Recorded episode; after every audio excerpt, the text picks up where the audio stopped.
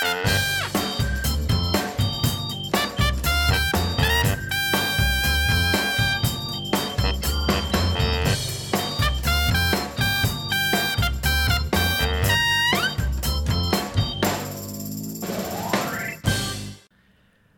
mijn zoontje bij mijn vrouw aan de borst zit, is dit de eerste CIP-podcast als kerstverse vader.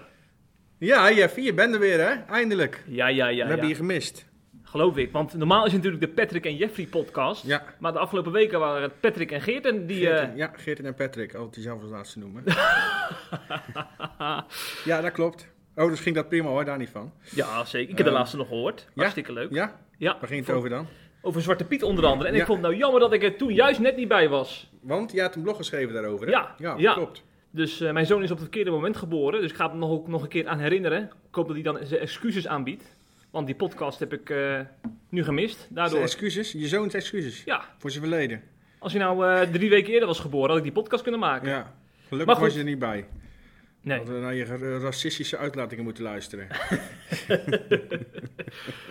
maar daar gaan we het vandaag niet over hebben, Jeffrey. Nee, nee, nee, nee, nee, zeker niet. We gaan het over hele andere dingen hebben. Ja, we hebben veel afwisseling weer. Want ik Ja. zag Dominee de Heer in het draaiboek staan. Ja. Over opwekkingsmuziek. Ja, Maar ook Toenohan Kuzu. Nou, Ja. twee uiterste. Ja. Groter kan niet. En daar zit Dirk van der Broek tussenin. Nou, hoe divers wil je het hebben, mensen? En voor de zekerheid, Dirk van den Broek is geen voorganger uit Veenendaal, maar dat is een winkel. Ja, prima. Ja, Ja. klopt. Ik, ik kom er nooit, dus ik dacht ik zeg het toch Nee. maar even voor de mensen die... Ik kom er eh, ook nooit. ja, Ik denk dat er heel weinig mensen komen. ja, ja, ik denk ook heel weinig christenen. En nu helemaal, ja. Ja. Maar we beginnen in politiek Den Haag, want dat is natuurlijk wel eh, de plek waar we moeten zijn. Daar wordt ons land geregeerd. Gelukkig niet door Toenohan Kuzu, zeg ik er maar even bij. Toenohan Kuzu is lijsttrekker van de politieke partij Denk natuurlijk. Ja. Eh, drie zetels hebben ze. Ja. Het wordt ook wel eens de Turken en Marokkanen partij genoemd, omdat ze natuurlijk toch best wel focussen op eh, die groepen met name. Ja, allochtone doelgroep, ja. Ja, en ze hebben het niet zo op Israël. Dat hebben we al eerder in de podcast besproken. Eh Kuzu is ook wel eens in Israël geweest om daar bijvoorbeeld eh, de Palestijnse vlag over... eh, Om zich op te laten pakken. ja, om ze op te laten pakken en een statement van, te daar- en maken. daar een filmpje van te maken. Dat was natuurlijk van het begin af aan de bedoeling. Hè, Ja. toen. Ja. Ja. en deze keer heeft hij een krantenartikel opgedoken uit Israël en dat gekoppeld aan de ChristenUnie. En ze beschuldigt van buitenlandse inmenging. Ja, en eigenlijk is het wel goed om dat even in te leiden, denk ik, Patrick, met een fragmentje uit de Tweede Kamer zelf. Ja. Van Koeze wilde een debat hierover aanvragen. Ja. En dat ging als volgt. Ja, voorzitter, dank u wel. Ik sta hier eh, met betrekking tot eh, toch wel een best ernstige aantijging. die ik gisteren heb gelezen in misschien wel de beste krant van Israël, namelijk Haaretz. En daarin staat dat een eh, motie die is ingediend door de ChristenUnie is, tot stand is gekomen. na samenwerking tussen medewerkers van de Israëlische ambassade. en een fractie in de Tweede Kamer. Voorzitter, dit is wat ons betreft ongewenste buitenlandse beïnvloeding. Wat ook staat opgenomen in het regeerakkoord, dat moeten we tegengaan. Dit is inmenging in onze democratie. En ik hecht er toch nog waarde aan. Als dit een andere politieke partij zou zijn overkomen, pak een beetje Thierry Baudet van Forum voor Democratie met betrekking meneer tot Baudet. Rusland. Meneer of Baudet. ons met betrekking Nee, nee, tot nee, Turkije. ga u onderbreken. dan zou het een heel ander heel verhaal erg. zijn. Ik ben Ja. benieuwd hoe de Ja. Kamer hier tegenaan kijkt. Nou, de Kamervoorzitter heeft maar druk met die Kuzu.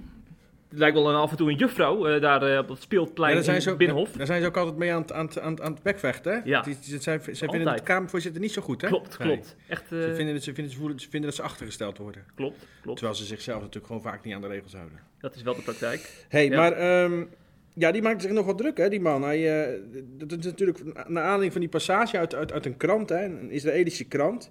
Haaret, zeg ik het zo goed? Mhm. Spreek ik het zo goed uit? Ehm, die meldde in een nieuwsbericht eh, over de motie van de CU. Hè? Dat ging over, er was een motie over de etikettering van goederen uit eh, betwiste gebieden. Eh, Bezette gebieden zeggen sommigen ook. Hè? Maar goed, als ze denken over de, de, over de Armeense kwestie mogen spreken, gaan wij het gewoon over betwiste gebieden hebben. Ehm, in die motie, eh, nou, het CU neemt het daarin voor Israël op, hè, dat het onzin is dat het etiket niet op, eh, op producten uit die gebieden mag, mag staan. Ehm, en die krant die zegt dus ehm, dat die motie is opgesteld in samenwerking met medewerkers van de Israëlische ambassade. Ehm, nou, dat ging Kuzu dus te ver. En daarom wil hij een debat daarover, omdat hij vindt dat dat eh, inmenging is van een andere staat. Nou ja, Jeffrey, vervolgens reageerden er een paar politici, hè, onze, onze christelijke broeders reageren. Ik geloof uit mijn hoofd dat het Kees van der Staaij en Voor de Wind waren. Ja. Voor de Wind had die motie ingediend, zeker hè? Mhm. Dus ik stel voor dat we daar even naar luisteren. ja, ja, geniet ervan zou ik zeggen. Ja. Niemand. De heer Voor de Wind namens de ChristenUnie. Voorzitter, dat lijkt me een hele goede suggestie. Laten we het daar gewoon eh, bij betrekken. Eh, Ik heb niks eh, te verbergen. Ik wacht alleen nog even op de instructie van de Israëlische ambassadeur wat onze inbreng wordt voor dat debat. Maar eh, als ik die binnen heb, ga ik graag het debat aan. De heer Van der Staaij. Eh, voorzitter, bij, als het gaat om buitenlandse inmenging, is het ook altijd mogelijk om dat bij eh, bijvoorbeeld integratiedebatten te betrekken. Hè? Stel je voor dat je Kamerleden hebt van Turkse komen af en die worden er gestuurd vanuit hun thuisland. Dan kan het een integratieprobleem opleveren. En dan is het goed om dat daar ook aan orde te stellen. Maar, Maar u, st- u steunt het niet. En, dus en me- niet, buitenlandse nee. zaken bij buitenlandse Meneer- zaken en binnenlandse integratie. Zo zijn er verschillende debatten waar iedereen zijn puntjes naar voren kan brengen. Ik wist trouwens niet dat Job al voor de wind eh, humor had. Want normaal kennen we Kees van der Staaij als een man van, eh, van de Alterdem eh, grappen. Omgedraaid, hè? Want Ja. Kees van der Staaij was nou helemaal niet humorvol. Nee, Die was echt heel... eh, ik heb hem zelden zo fel gezien eigenlijk. klopt, klopt. Ja, maar was hij is helemaal erg klaar met, die- met, hoor. Ja, dat denk ik ook. Hij had natuurlijk laatst dat hij ook al... eh, toen, die, eh, toen, toen gingen ze vanuit eh, uit de zaal, riep die andere, die Usturk te roepen. Ja. Toen zei hij, Kuzu kan het ook wel zonder zijn knechtje af of zoiets. Ja. Hè? Riep hij. Toen Ja, was hij ook al... Schildknaapje of schandknaapje. Nee, nee, nee. Voor mij zat hij gewoon knechtje hoor. Schildknaapje. Zou kunnen. Ja. Maar toen was hij in ieder geval ook al erg geïrriteerd. Dus dat, ik zie dit een beetje in het verlengde ervan. Mhm. Precies wat jij zegt. Die is er heel erg klaar mee. Ja. Ehm, wie er ook gereageerd heeft, dat is Eppo Bruins. Dat is eh, Tweede Kamerlid namens de, van de ChristenUnie ook. Hè. Die schrijft elke twee weken een column voor ons. Mhm. Eh, die wordt op zaterdag gepubliceerd, altijd. En ook hij reageerde op dit eh, hele gebeuren. Eh, de hele aanleiding van, van die motie, hè, ehm, dat er dus contact zou geweest en afstemming geweest tussen de ChristenUnie en tussen de Israëli- am- Israëlische ambassade. Dat was volgens Eppo een, een hoax. Die zei dus dat er totaal niks van waar is. En die zei onder meer verder in zijn column, of schreef, dat het vandaag de dag verdacht is als je het voor Israël opneemt. En dan quote ik hem even. Israël kan in de wereld maar op de steun van een paar landen rekenen. Er is een overgrote meerderheid in de Mensenrechtenraad en in de Algemene Vergadering van de Verenigde Naties die tegen Israël is. En een aantal staat die staat daadwerkelijk naar het leven ook. Hè? We weten welke, over welke staten dat gaat. Ehm, en dus is het, eh, schreef Eppo, is het tijd om de rug te rechten. Als Verenigde Naties, als Nederland en als fracties in de Tweede Kamer. Nou, dat lijkt me duidelijk, dat is Zo. klare taal. Nou, Hey, ehm, ja, hoe kijk jij nou eigenlijk naar? Vind je, vind je de CU hypocriet? Omdat ze, omdat ze, omdat ze hè, want CU die zou, die zou van, denk ook zeggen, de lange arm van Ankara, ze bemoeien zich met, met mhm. nou ja, ehm, ik, mo- ik moest natuurlijk gelijk denken aan die Gert-Jan Segers, de fractievoorzitter van de ChristenUnie. Die is altijd Ja. heel fel op buitenlandse inmenging uit eh, islamitische landen. Ja. Daar is hij ook heel vaak over in het nieuws geweest, dat hij eh, daar echt eh, van af wil dat Saoedi-Arabië geld overmaakt naar Nederland en vervolgens dat hier Ja. Koranlessen worden, worden gegeven met dat geld en eh, dat soort zaken. Maar dan denk ik van, dat was toch echt een hele andere kwestie, want als ik dan hoor eh, waar Kuzu zich op baseert, dan is het echt zo flinterdun. Hij heeft dus verwezen naar een artikeltje in die Israëlische krant die ook nog eens heel erg subjectief is. Het is een linkse krant, de NSC Handelsblad van, eh, van Israël, van Israël waar heel erg subjectief over de Palestijns-Israëlische eh, kwestie wordt geschreven. Dus heel veel opiniestukken ook over waarom die Palestijnse staten moet komen, waarom eh, Israëlische politiek heel eenzijdig is op dat terrein. Het is een beetje, een beetje een, een- tegen het eigen land, zijn die, bedoel je? Ja, je hebt in Israël ook een stroming die inderdaad de, de, de, de campagne van Netanyahu, zeg maar de president, dat Ja. die, die totaal niks vindt. En juist daar dwars tegen ingaat door eh, pro-Palestina artikelen te, te schrijven. En dat is dus Haaretz die dat doet. En ehm, dat, dat is dus in ieder geval eh, niet echt een objectieve bron. En als je dan hoort wat erin staat, ehm, dat is ook heel erg dat is maar een klein zinnetje wat, verwe- wat verwijst dus naar contact tussen Voor de Wind en die Israëlische ambassade. Er wordt ook geen bewijs geleverd dat, eh, dat ze met elkaar contact hebben gehad. En Voor de Wind ontkent ook dat het heeft plaatsgevonden. Ja, en Apple Bruins is ook, hè? Ze komen Ja. ja. ook gewoon, dus een, eh Ja, dat is nepnieuws. dus eh, dan kun je wel een nummer gaan maken in de Tweede Kamer. Maar dan moet je denk ik ook wel ergens op baseren. Want anders ja, dan word je dus niet serieus genomen. Ook niet door de Kamervoorzitter, Ja. niet door de andere fracties in de Kamer. En dat gebeurde ook. Je hoorde ook in het fragment dat eigenlijk een beetje heel minachtend op Kuzu werd ingegaan. Nou, Nou. Heeft, hij, heeft hij vaker wel overdreven, hè? Dat hoorde ik jou zeggen laatst. Ja, Vanmiddag zei je ja, dat nog. Ja, dit jaar, dit jaar nog, toen eh, was er een relletje op de Tempelberg. eh, op een dag, op een van de feestdagen van, van, de, van de Joden, zal ik maar zeggen. Ja. En op zo'n feestdag, eh, ja, dan is er vaak eenmalig toestemming voor Joden om die Tempelberg op te gaan. Want in Ja. principe is dat niet de regel. En toen was er een, een opstootje had toen plaatsgevonden, maar Kuzo overdreef dat enorm in de media. Die zei dus dat honderden kolonisten onder begeleiding van het Israëlische leger die Tempelberg waren opgegaan. Maar vervolgens werd er een feitencheck gedaan en toen eh, bleek dat dus veel genuanceerder te liggen en dat het maar ook maar een klein groepje was. En ehm, dus dat Kuzo ook die, dat nieuwsincident gebruikte om maar weer eens ja, Israël ook qua daglicht te zet- te zetten en zijn politieke nummer te maken voor de zoveelste keer. Ja, Dus Kuzo doet dat wel vaker. ja. Ja, dus eh, ja, ik, ik, ik, moet, ik moet ook zeggen dat ik eh, die fragmenten met Kuzo en Denk ook vaak al wel eens een beetje zie hoor. Als ik dan die YouTube-fragmentjes terugkijk, ja, dan vind ik, vind ik het heerlijk om dan te zien hoe Van der Staaij en zo daarop ingaan. Maar verder, het is zo ontzettend jammer dat een handlanger van Erdogan, hè, van de Turkse president, op deze manier op het Binnenhof misbruik maakt van onze rechtsstaat. Ik vind Nou ja, het echt verder gaan. Kijk, ik, ehm, ik- dat ben ik wel met je eens. Hè. Ik- als je, ehm, kijk, als er iemand, eh, los van of de inhoud klopt of niet, als er iemand hier niet over moet zeuren, dan is het Kuzo wel en dan is het de partij Denk wel. Hè. Ehm, we kennen het allemaal als de lange arm van Ankara, eh, die gewoon Turkse belangen hier loopt te behartigen vaak. Eh, dus, dus ja, het is een van de meest hypocriete volksvertegenwoordigers die we hebben, zou ik zeggen. Ehm, wat we net al even te sprake brachten, hè, het, is, het is gewoon iemand die speciaal naar Israël afreist. Om daar met een Palestijnse vlag rond te gaan lopen. Terwijl die weet, dan word ik opgepakt.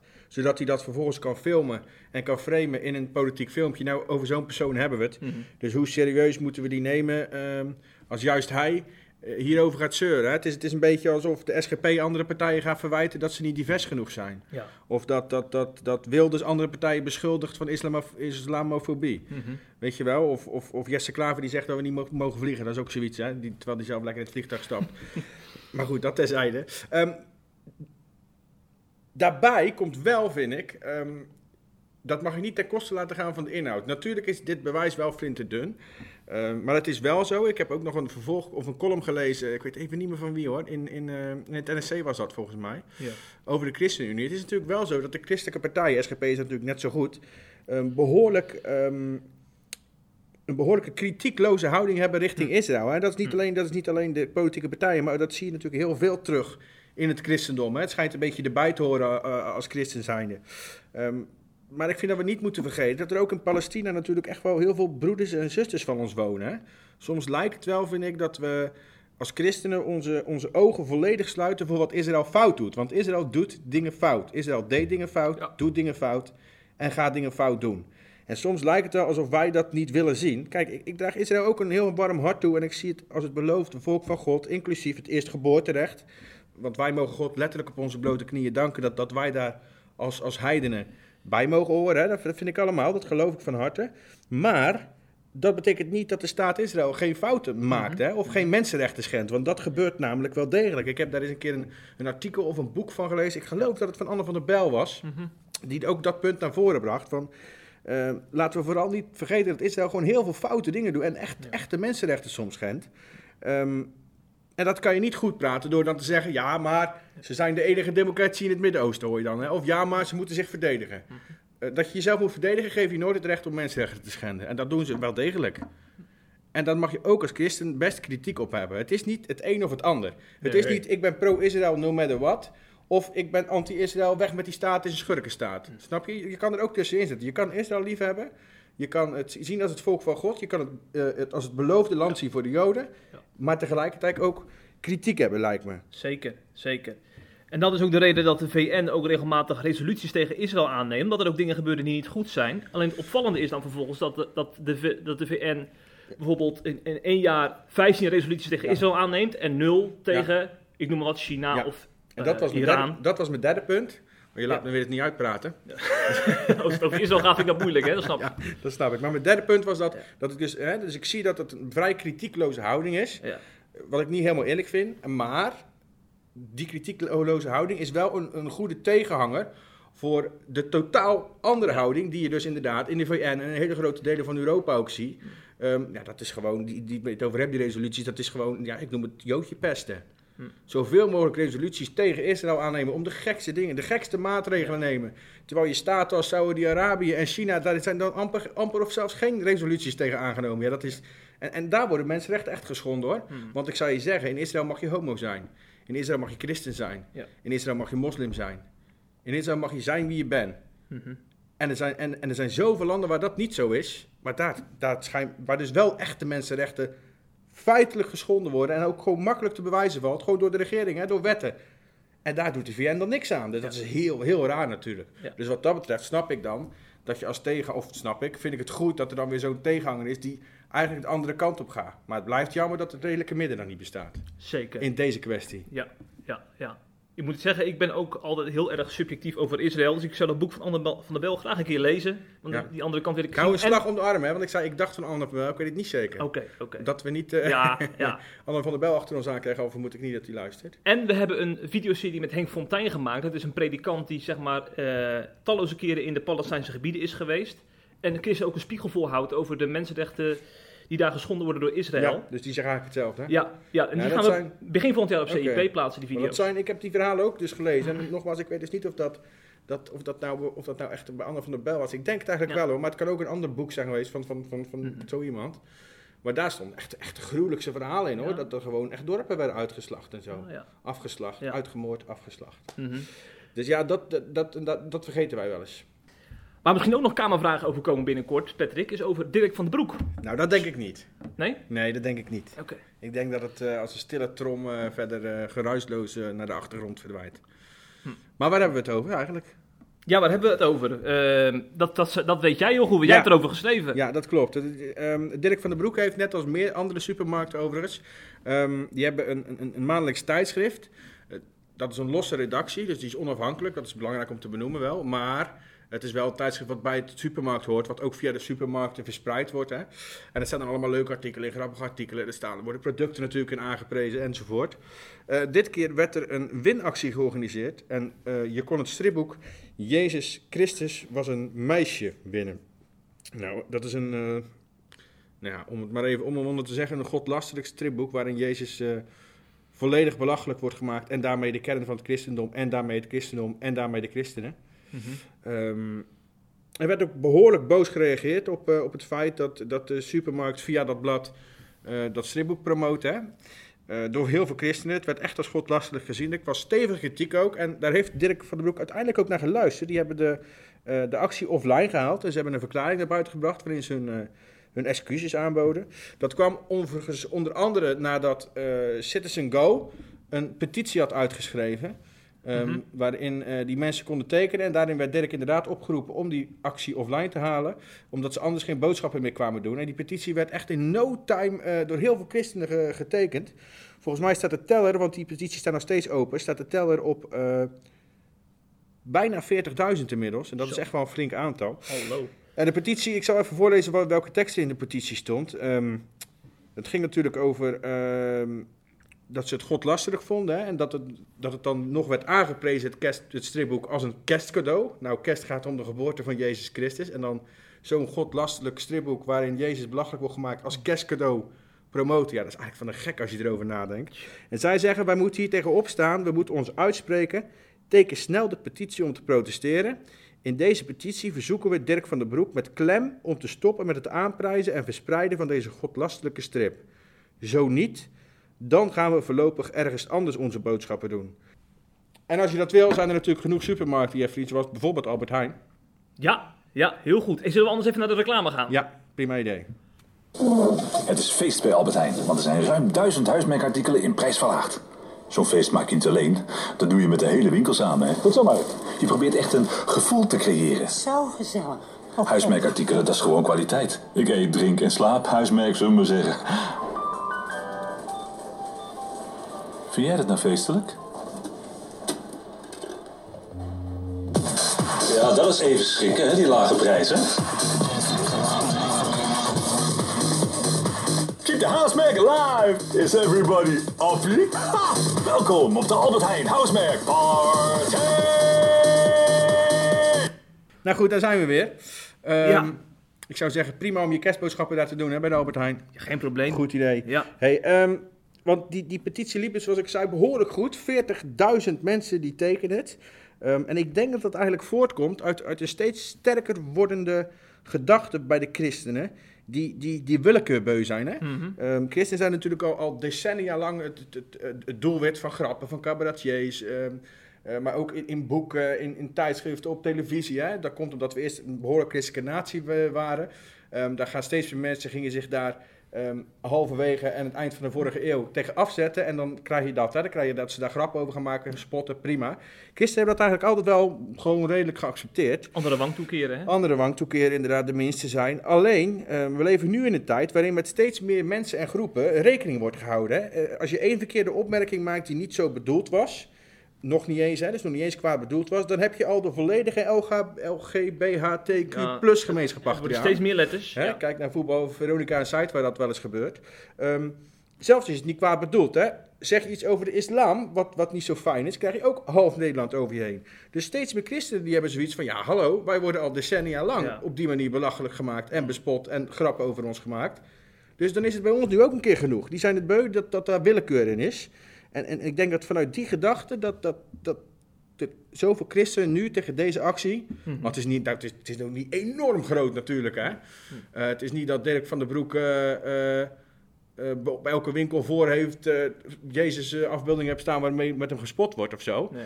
Ehm, maar ik denk dat het echt vanuit die gedachte komt dat ze het beu zijn, die willekeur. En dat ze denken, en nu komen wij eens een keer in de opstand. Nou komen wij eens op voor onze God, voor Jezus, voor onze verlosser. En dat vind ik alleen maar goed. Daar kan ik alleen maar toejuichen om eerlijk te zijn. Overigens moet ik daarbij wel zeggen dat ik het net zo onnodig vind zelf. Want ik heb me hier ook behoorlijk boos om gemaakt.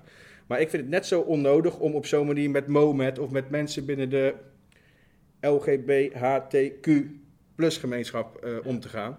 Eh dat vind ik ook onnodig om die te bespotten of grapjes op die manier over te maken. Maar mij persoonlijk raakt zo'n actie meer, omdat het over Jezus gaat. En daarom kan ik ook van harte met de woorden van Kees van Helden eh, Hm. instemmen. Die heb ik daarover gebeld nog. Directeur van Stil om Leven. Ja, die zei, de actie doet mij zeer, want het raakt mijn verlosser. Hm. Nou, en daar kan, ik, eh, daar kan ik me van harte bij aansluiten. Ja. Ehm, ja, ik stel voor dat we nog even naar de reclame gaan. ja joh, want ik moet ook nog even naar de wc, dus het komt mooi uit. Ja. Moet je kijken. Jij wil een latte macchiato? Ik wil alleen koffie met melk. Eh, En dat gezicht. Misschien had je er een fooi moeten geven. Alles wordt duurder vandaag de dag. Wordt er niet beter op, jongen. Ja, doe het maar. Het is rood, pa. Geloof je het zelf? Ja. Meteen even boodschappen voor je doen. Bij de Jumbo. Ja? Vroeger had je helemaal geen Jumbo. Ja, maar nu wel, hè? Ik koop nooit meer de Jumbo. Bij Jumbo hebben we altijd lage prijzen op producten die je dagelijks gebruikt. En de laagste prijsgarantie. En ieder seizoen de beste aanbiedingen.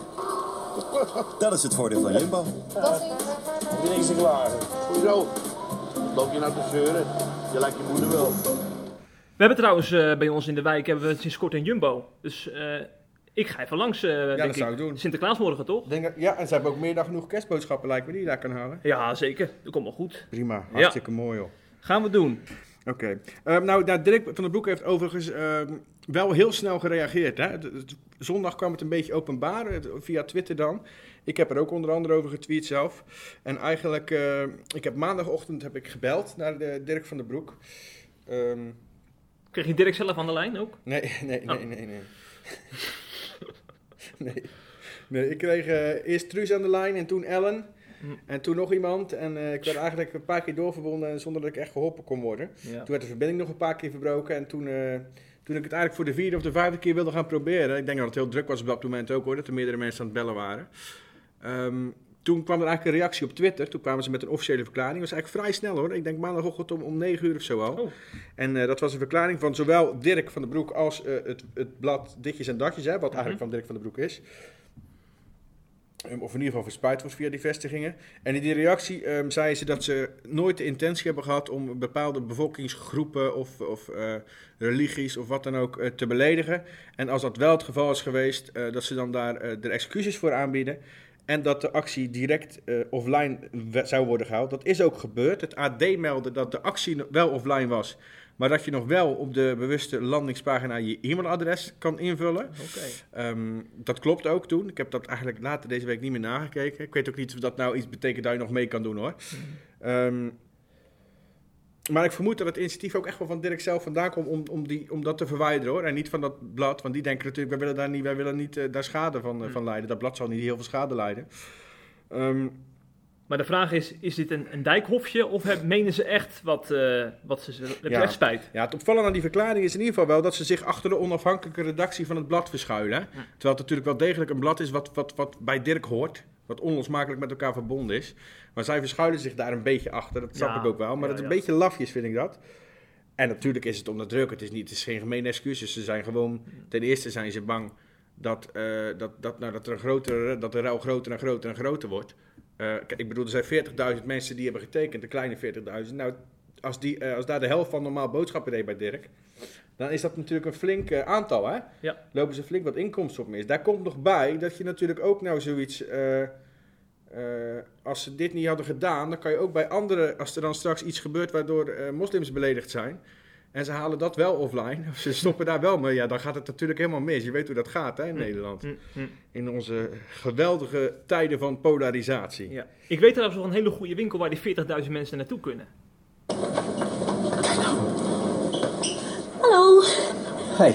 Oh, dat is lekker. Ja, bij Plus halen we als het even kan het vers uit de buurt. Plus, we hebben hier altijd veel voordeel. Heel fijn. Ja, Plus, ze is heel erg verliefd op je. Je meent het.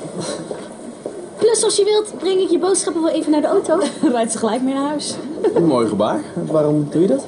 Alle klanten krijgen bij Plus voor aandacht. Ik bedoel dat... eh Leuk. Teken. Oh, die tik hebben we hier allemaal. Bij Plus krijgt u meer aandacht. Plus, meer voordeel. Plus, dagelijks meer vers. Plus geeft meer. Veel meer! Overigens, eh, nog één serieuze noot voordat we overgaan naar iets anders wat belangrijk is met kerst. Ehm, ik vind wel, ze hebben een excuus aangeboden. Het, gaat eigenlijk, het is eigenlijk niet aan ons om, om te zeggen ze doen dat eh, onder druk of ze doen dat Hmm. eh, eh, om welke reden dan ook. Er staat in de Bijbel dat we moeten vergeven. Ehm, eh, en dat we de anderen moeten vergeven Ja. omdat God ons ook heeft vergeven en ons nog steeds vergeeft. Ehm, helemaal wanneer iemand zijn excuses aanbiedt, vind ik. Mm. Dus ehm, ik vind dat je dat wel in je achterhoofd moet houden en ze niet moet blijven, dit moet blijven kwalijk nemen. Ja. Juist als christen denk ik dat het van groot belang is om, om te kunnen vergeven. En dan maak je echt verschil als je eh, aan je woord houdt. Precies. Ja, goed Wat punt. ook een verschil maakt in het leven van heel veel mensen trouwens, is opwekkingsmuziek. Ja, Jeffrey. ja, waaronder in mijn eigen leventje kan ik je vertellen. Ja? Ik kan me nog goed herinneren dat ik die tochten naar het Calvijn College maakte als, als eh, middelbare schoolleerling. In Goes? In Goes? In Goes. In korte broek? nou, het was vrij koud eh, regelmatig. Maar toen deed ik mijn mp3-spelletje eh, nam ik toen mee. En er stonden meer dan 300 opwekkingsliedjes op of zo. Heerlijk vond ik dat. Ja, die bus Ja. reed nog bijna via Middelburg, waar dominee de Heer woont. Ja. ja, die woonde daar toen. Nee, die woonde toen nog niet, denk ik. Nou, is lang dominee daar. Hij is wel lang dominee, ja. Ja, Hij er trouwens prachtig.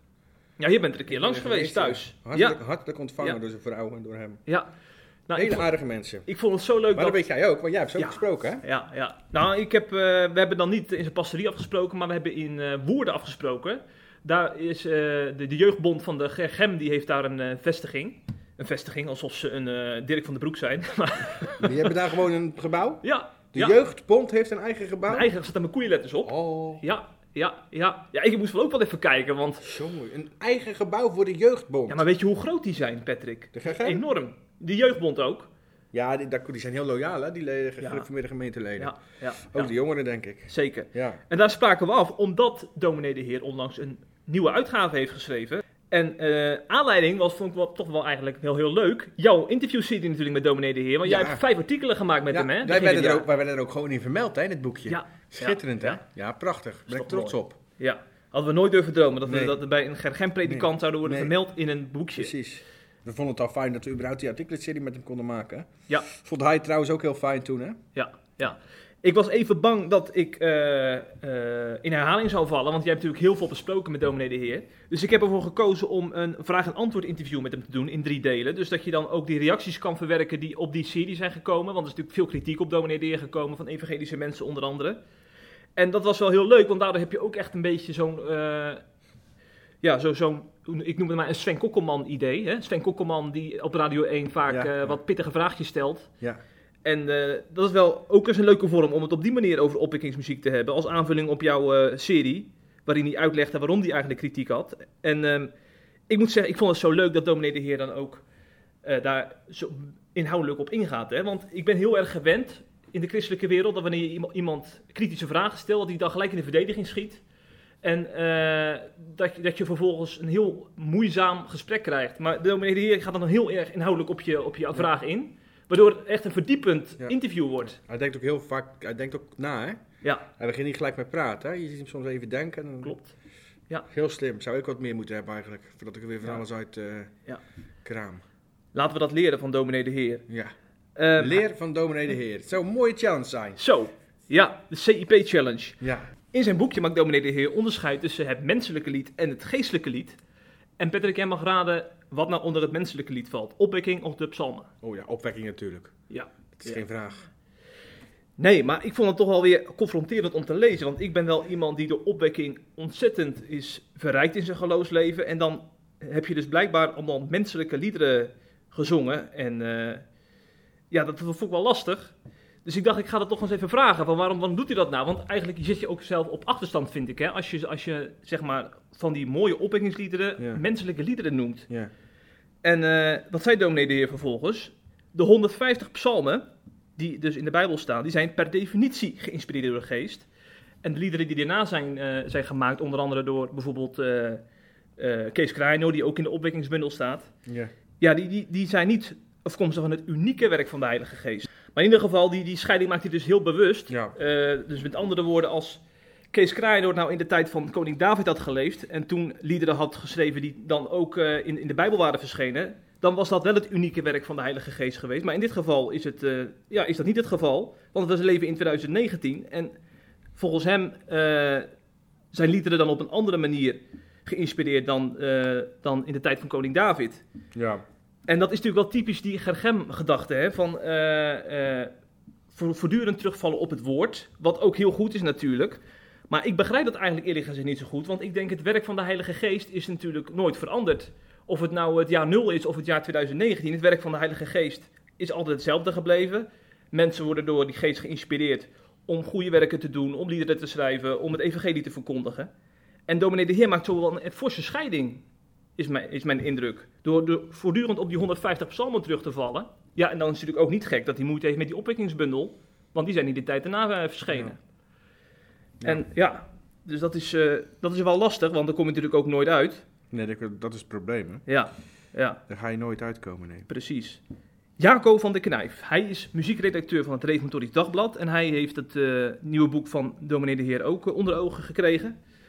En hij was opvallend genuanceerd in het RD. Want je zou dan toch denken van het RD en eh, opwekking. Nou, dan zullen ze vast wel kritisch zijn.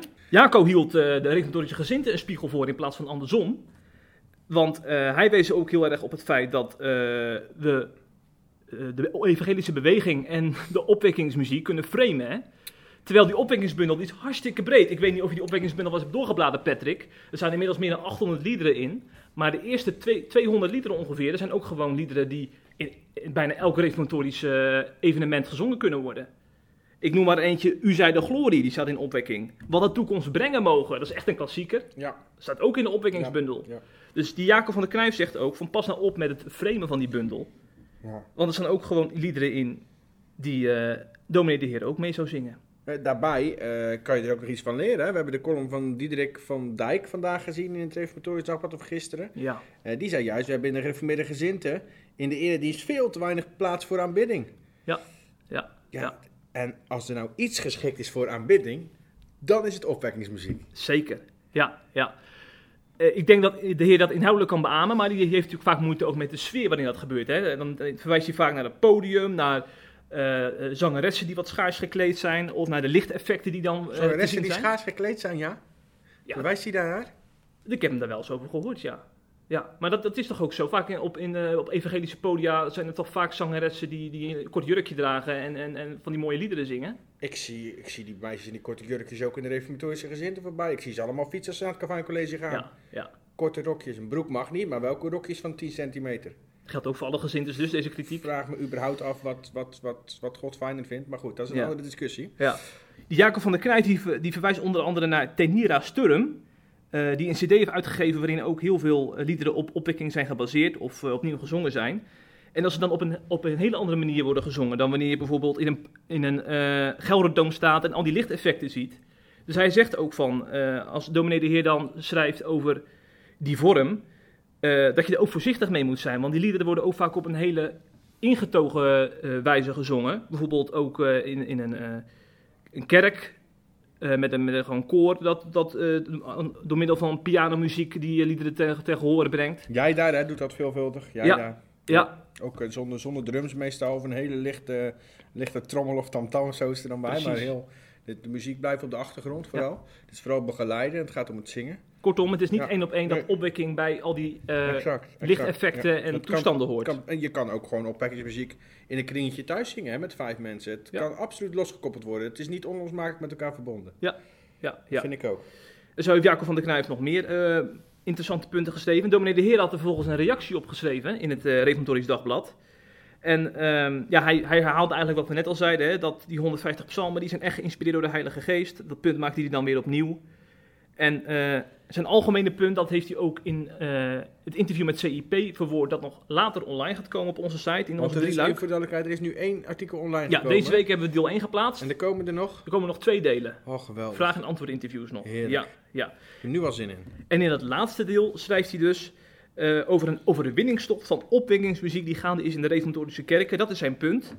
Eh, dat eh, door de opwekkingsliederen die steeds meer eh, in de liturgieën verschijnen, dat daardoor de psalmen naar de achtergrond worden verd- verdrongen. Dus dat er niet echt een balans is, zeg maar. En hij vraagt zich dan ook af, wordt er eigenlijk wel... Jij gaat heel hard lachen ja, opeens. ja, ik hoor hem praten over dat er geen balans is. Maar het is toch zo dat er bij hem alleen maar psalmen worden gezongen in de kerk? Ja, dan is, maar- dat, is ja. daar juist helemaal geen balans? Of ligt het nou aan mij? Ja, maar voor, voor hem is natuurlijk... eh alle... Ja, balans is alleen maar psalmen. Dat is geen balans. Ja, vind- in, in zijn oogpunt wel, denk nee, ik. ik vind het prima dat je daarvoor kiest. Hè. Ehm, alle respect. ehm, het is niet helemaal mijn keuze, hoewel ik psalmen heel mooi vind.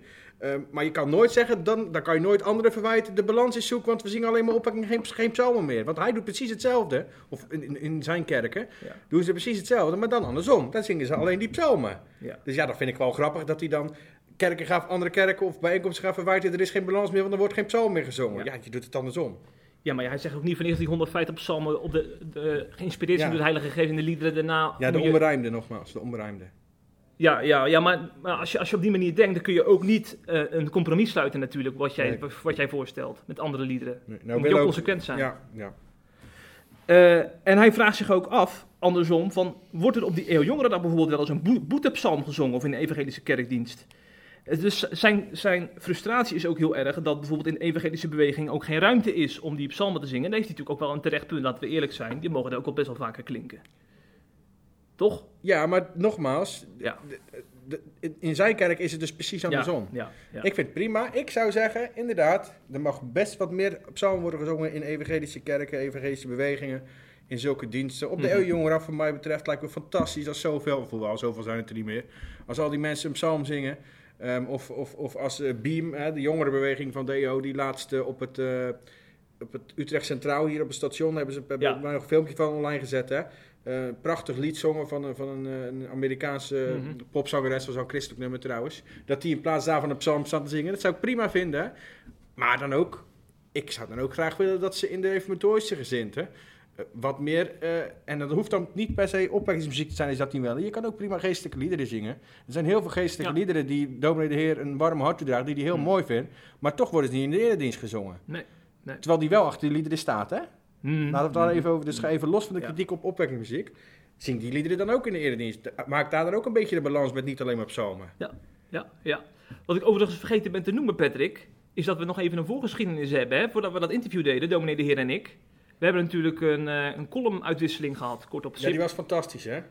Daar kan heel christelijk Nederland een voorbeeld aan nemen aan jullie twee. Nou, dat vind ik mooi om te horen uit jouw mond. Ja. Want ik schreef dus dat ik dominee de Heer echt een verstikkelijk mannetje vond vroeger. En dat was Ja. ook echt zo, want dan las ik het Reformatorisch Dagblad en dan las ik weer eens de opinie van dominee de Heer over evangelische of zo. En stond ik op het punt om die krant te verscheuren, letterlijk. echt, en om me op te zoeken in Middelburg. Heb ik En dat... dan? En dan? Ja. ja, dat was een goeie. En dan? Wat ga je dan doen daar? Sta je daar? Ja. ik zie niet thuis ook. Ja, Op pas, ja. pas vandaag op bezoek. Ja, die Maar- zal druk genoeg hebben, denk ik. Ja. Maar dan heb ik dus erkend in die column van, ja, dat is gewoon fout, want ik had me inhoudelijk moeten verdiepen in zijn punt en vervolgens daarop moeten reflecteren, want hij heeft ook gewoon goede punten. Heb ik dat in die column heb ik dat erkend en toen Ja. heeft hij ook daar een column over geschreven dat hij dat eh, waardevol vond dat ik zo dat geluid liet horen. Ja, ja absoluut. Dat, is ook belangrijk. Hè? Ook al ben je het totaal niet met elkaar eens. Je kan altijd in gesprek met elkaar blijven en naar elkaar luisteren en niet elkaar ehm, direct over oordelen. Probeer altijd te luisteren. Ik ben het met heel veel dingen van dominee de Heer niet eens. Ik ben het ook met heel veel dingen van jou niet eens. Maar dat betekent niet dat jij of dominee de Heer mij geen dingen kunnen leren. Integendeel, ik zou heel veel dingen fout hebben. Ja. Ik weet dat ik heel veel foute meningen heb die gewoon niet kloppen. Die gebaseerd zijn op feiten die bijvoorbeeld niet kloppen. Dus juist door met anderen in gesprek te gaan, juist door te luisteren, kun je ten eerste meer respect voor elkaar krijgen en ten tweede heel veel leren. Ja. En ik denk dat dat ook precies is wat God wil. En dat, dat, dat kunnen ook predikanten uit, zijn, uit dus de kerk van dominee de Heer een voorbeeld aannemen. Die vaak toch eh, in de saambinder bijvoorbeeld hun mening laten horen. Maar nooit eens een keer Ja. in het Nederlands Dagblad of op CIP. Ja. Maar ook, nooit, ook bijna nooit andere dingen lezen. Hè? Ik heb het in die artikelen toen ook geschreven met, met, met de heer, hè? het eerste artikel geloof ik. Ik, ik, ik, ik, ehm, ik heb even zijn boekenkast mogen bekijken. Ja, ja, ja, ja. Daar staan echt, echt hele brede boeken van, van, van, van alle kerken, van alle soorten. Hè? Je leest, er staan er ook boeken van John Piper en zo. Ja. Nou, dat zou je echt niet bij een predikant van de gereformeerde Ja. gemeente verwachten. Ik denk dat die bij de meeste gereformeerde gemeente predikanten echt niet in de boekenkast staan, die boeken. Ja. En het leuke is dat dus veel evangelische mensen denken van... oh, die man die, die praat vanuit zijn ivoren toren, die denkt Nee, dat nog nooit in nee. ons verdiept. Maar het is juist andersom. Die Hij heeft zich ontzettend veel in die Die evangelische man heeft er ontzettend veel verstand van. Ja, Ja. Dat kan je onmogelijk ontkennen. Ja, vandaar dat we hem ook graag series met hem maken om die reden. Hè? Ja. Het is niet omdat we hem zeg maar, een podium geven omdat we die evangelie willen afkraken. Nee, hij, heeft, hij heeft verstand van hij heeft zaken. verstand van zaken. Ja. En, eh, en hij, eh, hij is ook redelijk. Hij, Ja. lu- hij luistert goed. Je kan hem dingen vragen. Je kan, je kan ook kritische vragen stellen. Daar gaat hij gewoon op in. Dan wordt hij niet boos of zo. Dat, Die mensen zijn er natuurlijk ook nog. hè. Mhm. Dus Genoeg, genoeg, genoeg veren wat mij betreft nu voor dominee de Heer. Ik wil nog een kritiekpuntje uiten. Want eh, aan het eind van onze serie gingen we nog even in over eh, eenheid. Eh, eenheid tussen evangelische en reformatorische. En dat valt me toch op, dan probeer ik een beetje toch uit te trekken van wat hij nou waardevol vindt aan die evangelische beweging. Maar dat, dat kunt, kan hij dan toch niet echt benoemen. En dan is het toch elke keer dat hij dan terugvalt op extreme gebeurtenissen. Bijvoorbeeld mensen die eh, in de evangelische beweging voortdurend op emoties inspelen, wat ook gebeurt. Eh, of andere uitwassen. Maar daardoor, door die extreme elke keer te benoemen, vergeet hij dat er een stille meerderheid is, ook in de evangelische beweging, die ook niks van die emoties wil hebben en oprecht eh, de Heer wil dienen en die die dan eigenlijk De heren wil dienen. de heren, hè? Laten we even Niet dominee de Heer. Ja, Ja, anders- laten we even heren zeggen, want anders Klopt, gaat het... klopt. De heren willen Ja, dienen. ja. En wat dominee de Heer dus nou doet, is die hele groep evangelische eigenlijk in één hokje plaatsen. Alsof zij dus allemaal op emotie inspelen. Maar dat is niet zo. Nee. En dat vind ik wel eens jammer. En eh, ik hoop ook dat hij eens een keer bijvoorbeeld een artikel kan aanleveren met drie waardevolle punten die uit de evangelische beweging heeft geleerd. Waarom denk je dat het is? Waarom zou dominee de heren dan... Jij, ik, ik ga, ik, ik ga Ja. uit van jouw conclusie. Jij, zei, hij vindt het moeilijk om hardop uit te spreken wat er waardevol is in de evangelische beweging. Ja. Waarom zou dat zo zijn? Want ik, ik, ik geloof niet dat het bijvoorbeeld... Het, je zou bijvoorbeeld kunnen denken, het is angst. Dat, dat andere mensen in zijn kerk hem daarop afrekenen. Nou, ik geloof niet dat dat eh, bij dominee de Heer het geval is. Je zou ook kunnen zeggen, eh, eigen wijsheid. Maar dat geloof ik toch ook niet? Nee. Maar ik vraag me af wat het dan wel is. Misschien zit hij oprecht geen... Misschien zit hij oprecht geen waardevolle dingen. Nee, ik denk ook niet dat hij, dat hij bewust zeg maar, dat soort dingen, eh, dat hij waardevolle dingen verzwijgt. Ik denk echt, hij heeft zich zo ontzettend eh, vastgebeten in die evangelische thema's zoals eh, overdopen, emoties en uh, Ejo Jongerendagen bezocht. En als je dan voortdurend leest en schrijft over dingen die niet goed gaan, dan kan ik me ook voorstellen dat je onbewust ook dat als uitgangspunt neemt in, in hoe je over die beweging eh, communiceert naar buiten toe. Dus ik denk ook niet dat het bewust is. Ik denk dat gewoon dat hij een verkeerd uitgangspunt neemt en daardoor ook een bril opzet die, uh, die niet objectief is. Ik denk dat hij er gewoon weinig aan kan doen. Ja. Ik denk dat hij weinig spreekt met mensen als uh, bijvoorbeeld André Wisse uit de Oesterschelp. Dat is een evangelische broeder. Uit Oesterschelp in Tolen. In Tolen, ja sorry. De Oesterschelp is dus in een kerk in Tolen. Ja. Dat is een evangelische broeder die ontzettend genuanceerd is. Ook, ook uh, de reformatorische gezinten waardeert. Ja, ja maar, dat klopt. Uh, dat is niet iemand die bijvoorbeeld op een podium uh, uh, mensen in trance brengt en zo bij de heren wil brengen. En, maar ja, die, die, die mensen komt dominee de heer gewoon niet in aanraking, omdat hij daar ook niet over schrijft. Dan zou je zeggen, hij, heeft eigenlijk alleen maar de, hij ziet eigenlijk alleen maar de uitwassen. Ik, Hij dat geloof ik wel. Ja, ja, ja. Dus dan zou het niet bewust zijn, maar dan is het echt gewoon zijn gedachtegang. Ja, ja, ja. Dan zou het mooi zijn om hem een keer in gesprek te brengen hè, met iemand als André Wissen. Ja. hey, wat dacht je van Ruben Vlag? De directeur van Stichting Opwekking. Die, eh, Wat ik van hem denk? nee, niet wat jij van hem denkt, Oh. maar om, om hem het in gesprek te brengen met dominee De Heer. Want eh, Ruben Vlag heeft wel eens bij Groot Nieuwsradio een kort eh, interviewtje gehad. Telefoongesprek, hè? Ja. Gingen ze allebei aan de telefoon. Ja. Heel omslachtig ook. Ja, ook maar een paar minuten volgens Ja, mij, dus ja, kun je nooit, nooit echt de diepte in. Toen hebben ze afgesproken, we gaan eh, een kopje koffie drinken. Ja. Ehm, ik heb toen later, heb ik hem, het interview met mij, van mij met dominee de Heer was toen denk ik een maand of vier later. Toen zei dominee de Heer, eh, er is nog niets van gekomen, maar dat was vooral agenda technisch. Ja. En dat zal Vlag ook zeggen, maar waarschijnlijk hadden ze ook allebei, ja, dan, moeten ze wel, dan moet iemand het initiatief nemen. Dus Jeffrey, Ik stel voor dat wij als CIP Ruben Vlag binnenkort bellen, wijzen op onze artikelenserie met dominee De Heer en voorstellen om een duo-interview te doen. ja, Want wij hebben bij hem thuis in Dordrecht, want het is een beetje in het midden. Dan rijd ik vanuit Utrecht naar Dordrecht en dominee De Heer vanuit Middelburg naar Dordrecht. ik weet niet, ja oké, ja. En dan gaan we daar met Ruben Ik Vlag zou nog niet zo concreet worden nu via de podcast. ik zou eerst gewoon even bellen, Jeffrey. Als, als ik ergens vol van ben, dan eh, zo, gaat, zo gaat dat dan. Ja, Dus jij bent vol van Ruben Vlag en dominee de Heer. ja. En waar ik ook vol van ben, zoals jij weet, Johan Derksen vind ik een geweldige man. Ik sluit ook niet uit dat hij nog eens een keer opwekkingsmuziek gaat zingen in zijn Zou wat kamertje zijn in die- Grollo. Als die tot geloof komt, Ja, ja. Nou, er zijn mensen die er echt in geloven, zoals Orlando Bottenblij. er zijn mensen die voor hem bidden ook, hè? Ja, ja, ja. En weet je waarom ze voor hem bidden? Nee. Nou, eh, Johan Derksen die is in Amsterdam geweest. Afgelopen zondag was dat volgens Dat is mij. nooit een goed idee. Dus vandaar dat ze voor hem bidden. Nou snap ik het. Nee, Dat- even zonder gekheid. Daar is hij dus in debat gegaan met Ja. Andries Knevel. Daar hebben wij natuurlijk van tevoren al Andries Krevel over geïnterviewd. Hè? Onze collega Lucas heeft dat gedaan. Ja. Prima artikel, stond vorige week op de website. Ja, ja. En eh, daar hebben ze dus eh, gedebatteerd over geloof, over muziek, over Ja. voetbal. Maar voornamelijk over geloof ging het om. Ja, zeker. Ja. En eh, nou, er zijn nogal wat reacties geweest, ook uit Christelijk Nederland dus blijkbaar. En Johan Derksen heeft dus te horen gekregen dat de christenen zijn die voor hem bidden. Ja, op de En- avond zelf was dat, hè? Ja, ja, ja. En eh, dat werd ook nog even eh, besproken in Veronica Inside, het, ons favoriete tv-programma. Ja. Waar ze het voetbal, voetbalweekend altijd doornemen. En het is leuk denk ik om even een fragmentje te horen hoe ze nou terugblikten op eh, die debatavond met Andries Knevel. Nee, maar je krijgt zo'n discussie in een kerk. Dat ging dan over God en eh, ik ben atheïst. Dus eh, ja, ik eh, zei daar, ja, God bestaat niet volgens mij. Dat zijn allemaal sprookjes. Ja. En nou, dan komt Andries, hè. En dan, ja, dan krijg je een gepassioneerd verhaal, hè. Want hij gelooft daar heilig in. En dat is makkelijk, hoor. Als je, als je dat allemaal gelooft, dan... zo dat is, christelijk. dat is makkelijk en het is heel veel steun, want hij is heel erg ziek geweest. En in die tijd had hij ook veel met God gebeden. Ik zeg, ja, maar ik denk dat je meer behoefte had aan een goede dokter. Ja, maar dat zegt Maar, Andries niet zo. eh, Dat is er ook wel mee eens, maar die steun van God had hij toch weer veel steun aan gehad. Ja, dat heb ik niet. Maar uiteindelijk bestaan de ovatie de kerk verlaten? Maar nee, je krijgt mensen die zeggen na afloop van, eh, ik was helemaal met u eens hoor. Maar er waren ook mensen die zeiden van, ik vond het erg leuk vanavond, ik zal vanavond voor u bidden.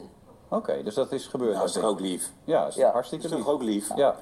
Ja. Maar je dacht, ik heb Die een avond... die vrouw komt thuis en die man die zeggen, die kinderen aan tafel, we gaan dus voor Johan Derksen bidden nu. hè, joh. Leuk toch, man? Dus zijn we wel even bezig, zijn die kinderen. Johan. Johan Derksen. Wat een man, hè? Ja, met zijn sigaar in zijn mond. Met zijn sig- ik zie hem ook zo zitten met zijn sigaar in zijn mond. Zou hij daar op het podium ook gerookt hebben? Ja, ik denk tegenwoordig word je er gelijk uitgekikt als je dat probeert. Ja, dat is zo.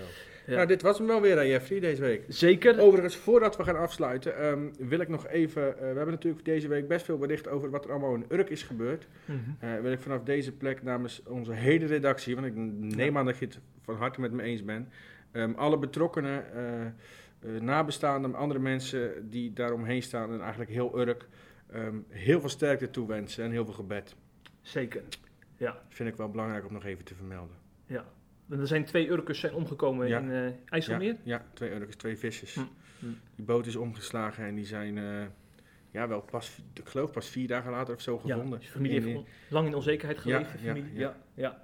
We, le- we leven met ze mee. Ja, Zeker. precies. Patrick, tot volgende week weer. Ja, tot volgende week. Dan maken we een nieuwe podcast. Dat gaan we doen. Hoi hoi.